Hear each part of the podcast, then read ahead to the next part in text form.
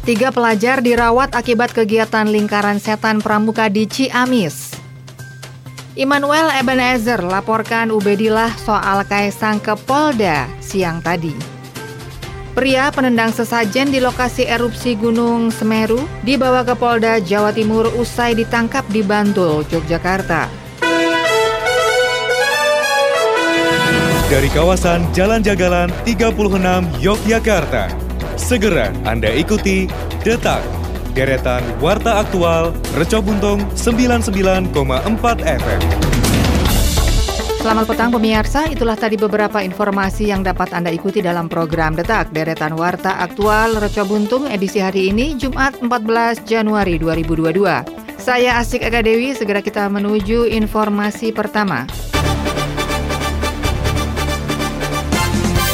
Detak, deretan Warta Aktual Reco Buntung.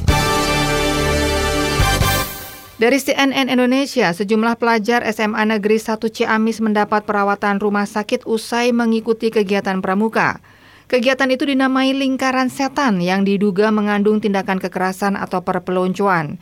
Demikian dijelaskan Kepala Dinas Pendidikan Provinsi Jawa Barat, Dedi Supandi mengutip antara. Menurut Dedi, dugaan penganiayaan itu terjadi saat para korban mengikuti kegiatan di luar sekolah pada hari Sabtu lalu 8 Januari. Mulanya berniat ikut latihan pasukan tongkat, namun berujung menjadi korban tindak kekerasan. Dedi menegaskan bahwa kegiatan yang melibatkan alumni tersebut ilegal, tidak ada izin yang diberikan oleh pihak sekolah.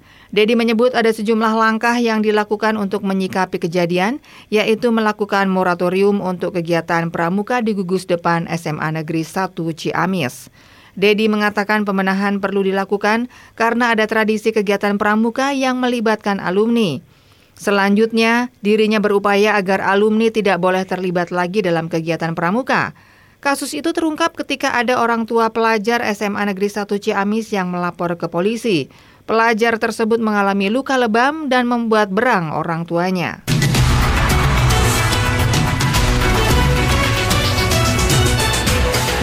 Pemirsa Ketua Ikatan Aktivis 98 yang juga Ketua Umum Relawan Jokowi Mania Immanuel Ebenezer berencana melaporkan dosen Universitas Negeri Jakarta atau UNJ Ubedillah Badrun ke Polda Metro Jaya hari Jumat ini.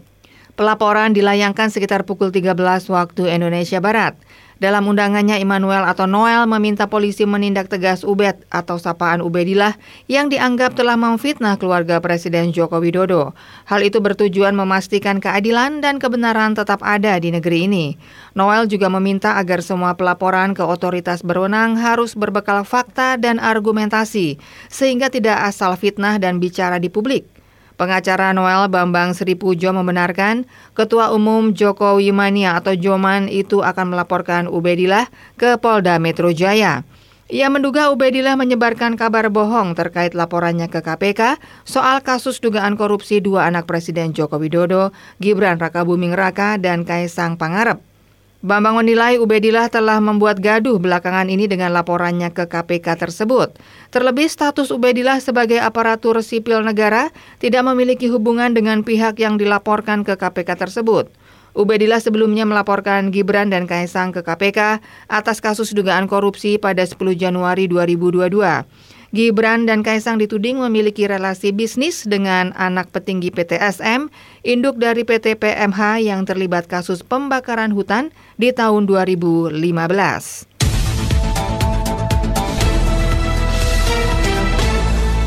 Pemirsa dari CNN Indonesia, pria penendang sesajen di lokasi erupsi Gunung Semeru, Hatfana Firda, dibawa ke Polda Jawa Timur usai ditangkap di Bantul, Yogyakarta. Hatfana tiba di Mapolda Jatim pagi tadi. Demikian dijelaskan Kabit Humas Polda Jawa Timur Kombes Gatot Repli Handoko saat dikonfirmasi Detikom di Surabaya.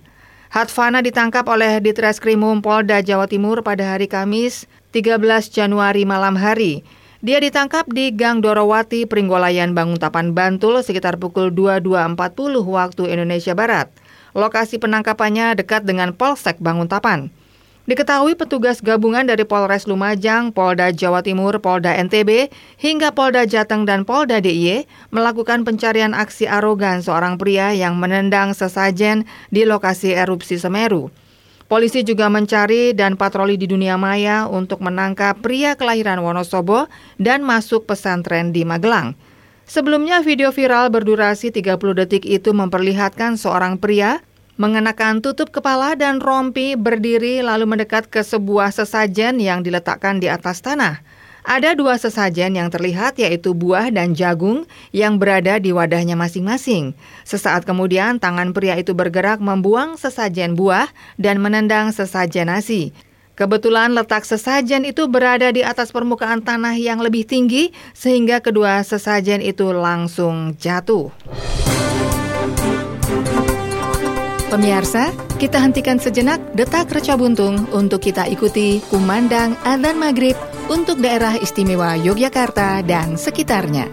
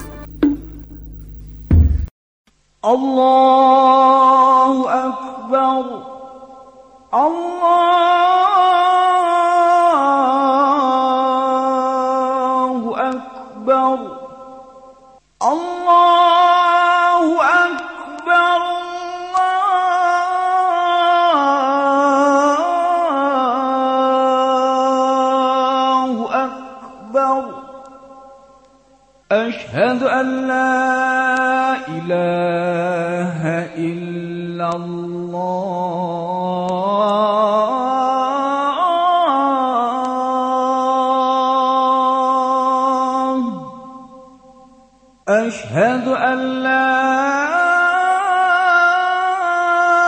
إله إلا الله.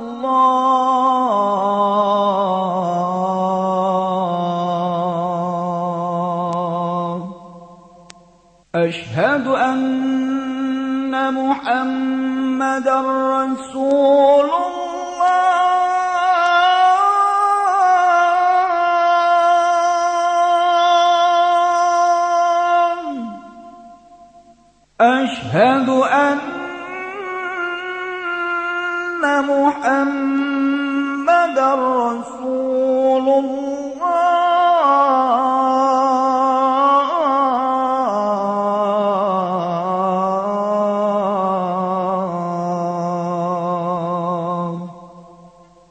哎呀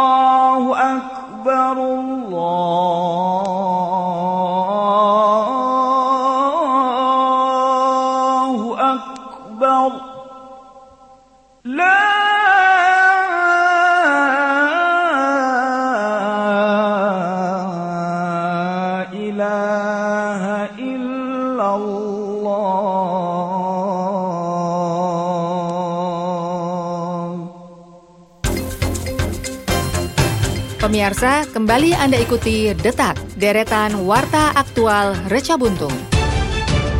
Detak, deretan Warta Aktual Reco Buntung.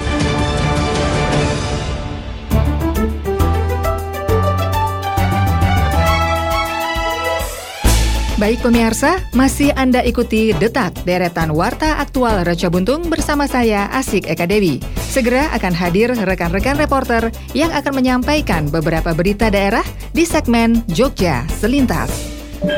Baik, terima kasih rekan Asik Eka Dewi. Pemirsa Jogja Selintas, kami awali dari Sleman. Pemirsa, seorang karyawan swasta dan driver ojek online dibekuk anggota Badan Narkotika Nasional Provinsi Daerah Istimewa Yogyakarta. Keduanya diamankan setelah melakukan transaksi narkotika jenis tembakau sintesis alias tembakau gorila.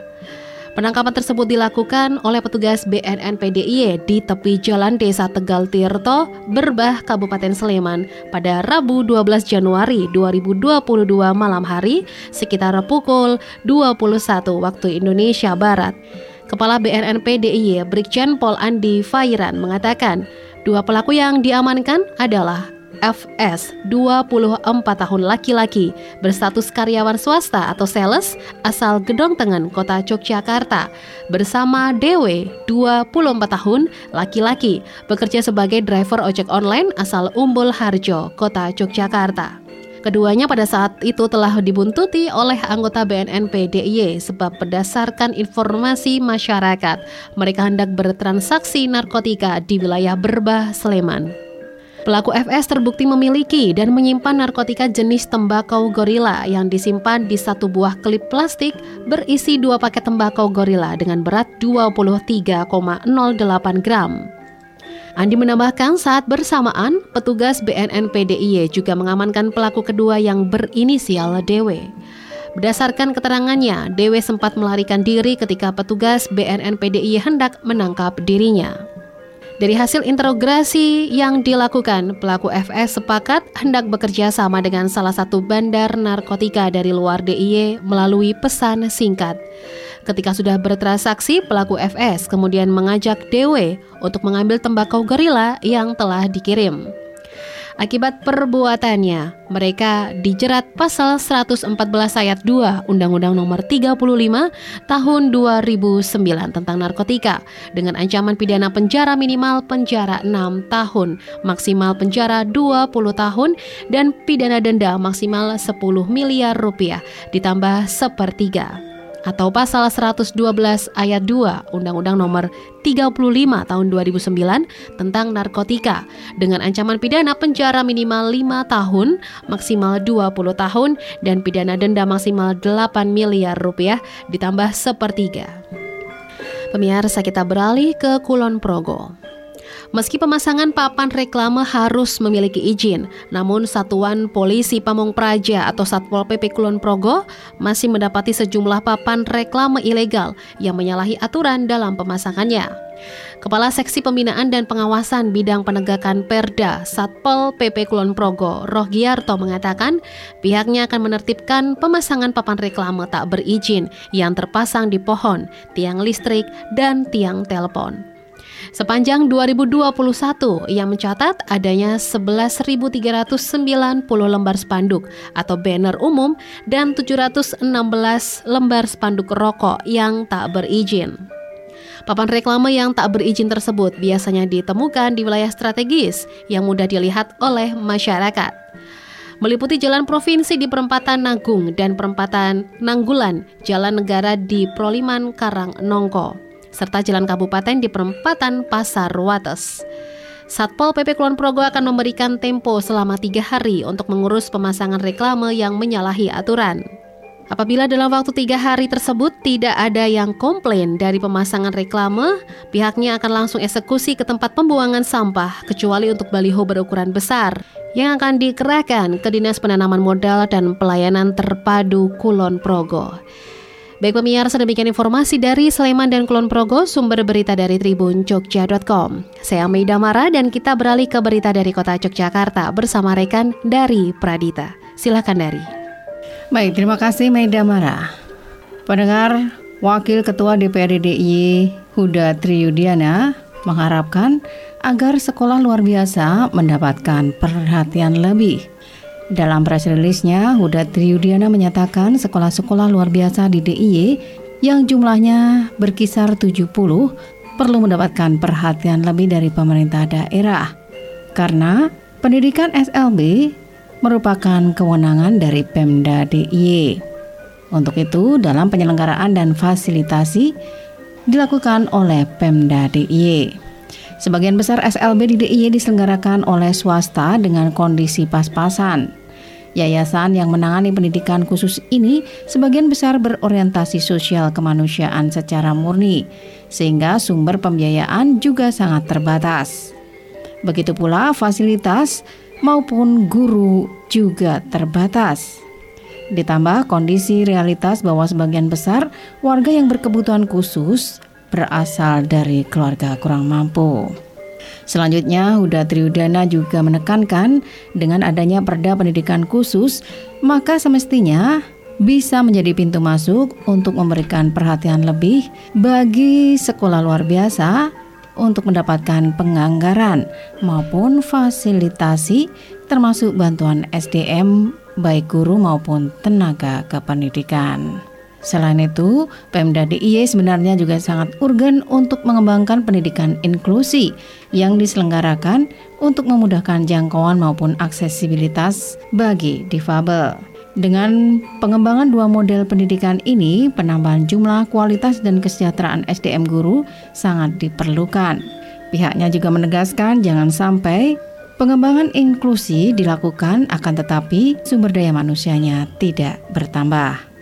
Hal ini disampaikan Uda Triudiana seiring dengan adanya keluhan beberapa penyelenggara pendidikan, di mana SDM guru mereka yang berstatus PNS ditarik untuk memenuhi pendidikan inklusi. Dengan kejadian ini tentu saja akan merepotkan. Selain itu, keluhan juga terkait penurunan Bosda tahun 2021 yang saat ini menjadi Rp470.000 per siswa Padahal pada tahun 2020 mencapai Rp850.000 per siswa. Padahal hal ini juga diandalkan untuk kehidupan tenaga pendidik di SLB swasta. Selanjutnya, Wakil Ketua DPRD DIY dari fraksi PKS ini juga meminta perlunya pendataan dan perencanaan detail untuk penyelenggaraan pendidikan khusus, baik di SLB maupun sekolah inklusi sehingga kemudian bisa dilakukan alokasi anggaran secara komprehensif. Dana bagi peningkatan pendidikan khusus tersebut dapat menggunakan dana APBD maupun dana keistimewaan.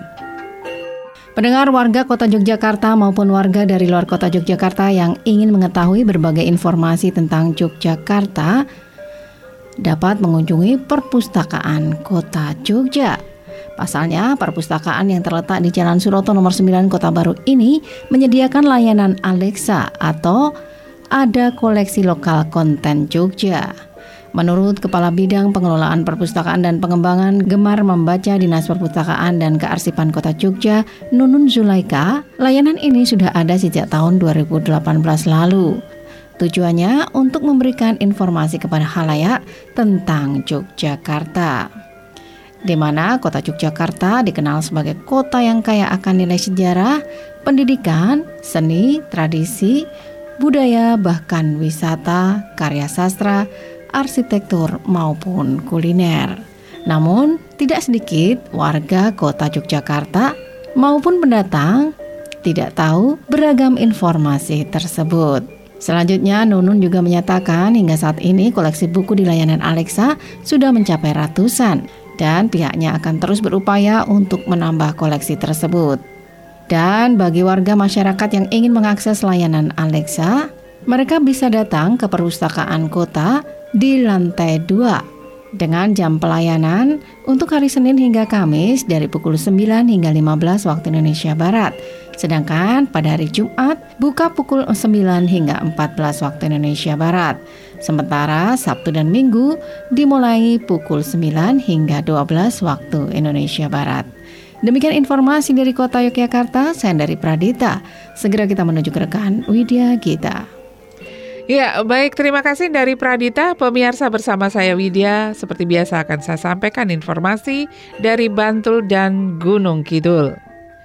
Robohnya baliho di Condong Catur Sleman kemarin hari Rabu mendapat sorotan dari masyarakat. Pihak pemerintah Kabupaten Bantul turut melakukan antisipasi agar kejadian tersebut tidak menimpa di wilayah Bantul. Kepala Satuan Polisi Pamong Praja atau Satpol PP Bantul, Julius Suharto, menyatakan bahwa sebelum masuknya musim penghujan sudah memerintahkan kepada anggota Satpol PP untuk melakukan identifikasi ataupun penyisiran terhadap keberadaan baliho-baliho yang ada di wilayah Bantul. Upaya tersebut terutama menyasar baliho yang rawan menjadi penyebab terjadinya bencana. Sejumlah pemeriksaan dilakukan misalnya dengan mengecek konstruksi dari baliho yang mulai rapuh. Jika ada pihak vendor yang bisa dihubungi, Satpol PP akan langsung menghubungi untuk dilakukan pembenahan. Jika dalam waktu tujuh hari tidak ada respon, akan dilakukan pembongkaran. Dari beberapa tempat yang diidentifikasi potensi baliho rawan roboh tersebut ada beberapa yang akhirnya dibongkar oleh Satpol PP Bantul. Hal tersebut merupakan langkah preventif atau antisipasi agar tidak terjadi bencana baliho roboh. Sebelum musim hujan sudah dirobohkan dan membongkar baliho di tujuh titik di wilayah Banguntapan dan Jalan Imogiri Timur. Pihaknya juga melakukan pendataan dan menghubungi pemilik baliho. Baliho yang disasar adalah baliho yang berada di ruang terbuka dan rawan terjadi karena terlalu besar atau terlalu tinggi. Julius juga memaparkan bahwa meski Satpol PP memiliki kewenangan dalam hal pemeriksaan baliho, namun pihaknya masih memiliki keterbatasan untuk selalu melihat kondisi keberadaan baliho-baliho yang ada di wilayah Bantul. Harapannya masyarakat jika di sekitar lingkungannya ada berdiri baliho untuk bisa memperhatikan jika ada tanda-tanda kerawanan, keroposan konstruksi dan lain sebagainya agar bisa segera dilaporkan ke Satpol PP. Baik pemirsa kita beralih ke Gunung Kidul. Pemerintah Kabupaten Gunung Kidul akan menata Pantai Baron dan Pantai Kukup di Kapanewon Tanjung Sari menjadi satu bagian terintegrasi. Namun penataan tersebut membuat nelayan di kawasan Baron menjadi khawatir dengan dibangunnya talut di sepanjang pantai. Sedangkan kawasan Pantai Baron telah dibangun talut di dekat bibir pantai. Talut tersebut merupakan hasil rehabilitasi sekaligus meminimalisir potensi abrasi. Para nelayan selama ini sudah terbiasa beraktivitas melaut dengan adanya talut menjadikan nelayan kesulitan untuk mendaratkan perahu-perahu milik mereka. Sumardi, salah satu nelayan berharap penataan pantai Baron Kukup tetap memperhatikan kebutuhan nelayan setempat, terutama fasilitas pendukung aktivitas melaut seperti tempat pendaratan perahu. Sekretaris Daerah Gunung Kidul Derajat Ruswandono sebelumnya menyampaikan program penataan Baron Kukup terus dimatangkan. Investor telah dilibatkan dalam prosesnya. Penataan mengacu pada konsep yang sudah ada di Pantai Mesra alias Ngerawe. Pantai tersebut berada persis di antara Baron dan Kukup. Derajat mengatakan akan ada jalan penghubung antara ketiga pantai tersebut. Dan selain itu, wahana di kawasan terintegrasi tersebut akan dikembangkan dengan sejumlah wahana yang menarik minat bagi para wisatawan. Nah pemirsa demikian tadi informasi dari Bantul dan Gunung Kidul, sumber berita tribunjogja.com. Selanjutnya silahkan rekan Asik Eka Dewi untuk menyampaikan informasi yang terakhir.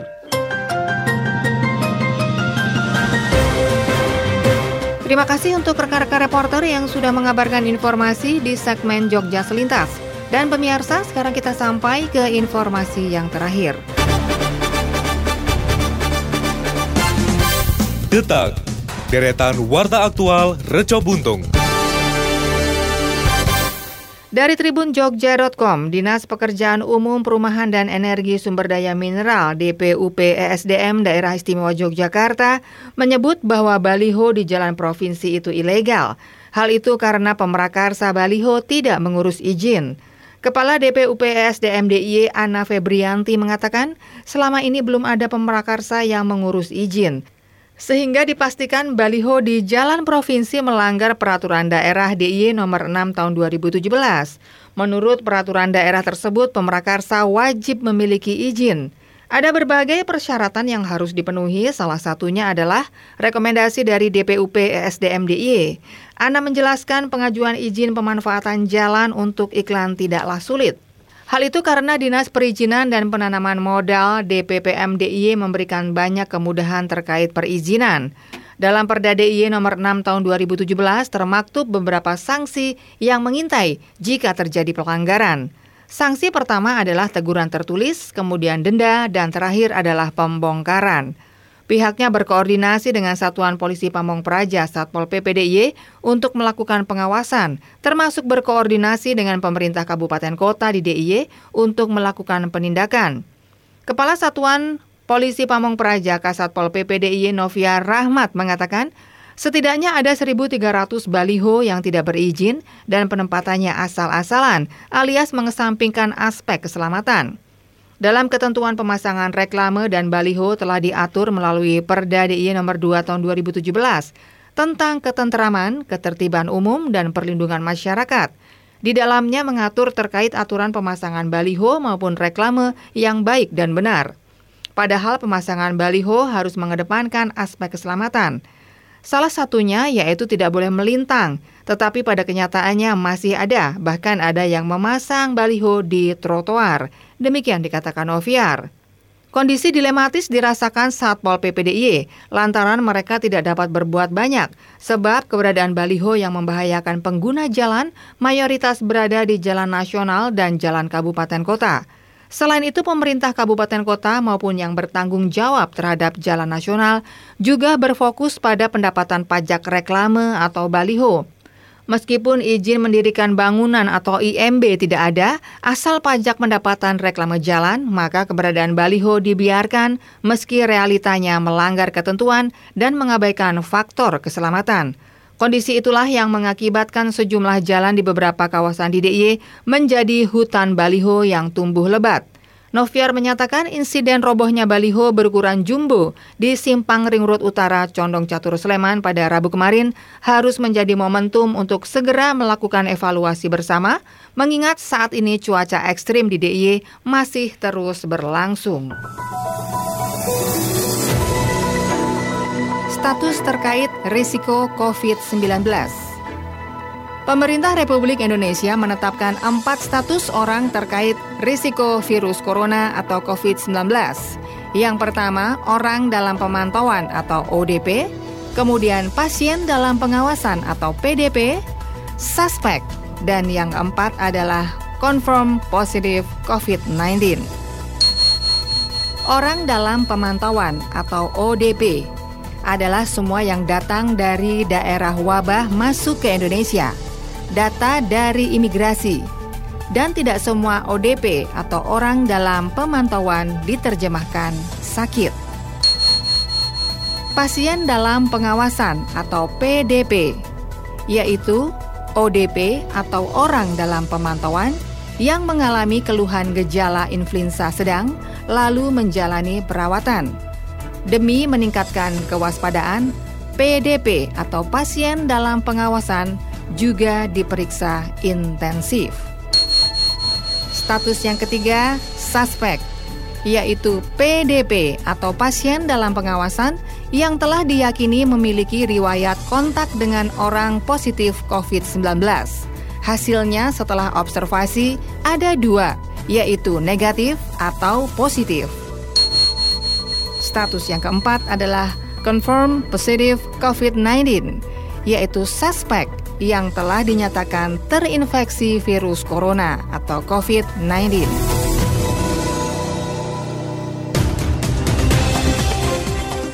Pemirsa, informasi tadi menutup program Detak edisi hari ini Jumat 14 Januari 2022. Ikuti detak kesehatan dan gaya hidup Reco Buntung esok petang pukul 18 waktu Indonesia Barat. Radio lawan COVID-19. Jangan lupa jaga jarak, jangan berkerumun, gunakan masker dan lebih baik di rumah saja. Saya Astika Dewi, selamat petang dan sampai jumpa. Pemirsa, telah Anda ikuti Detak, deretan Warta Aktual, Produksi, Reco Buntung 99,4 FM.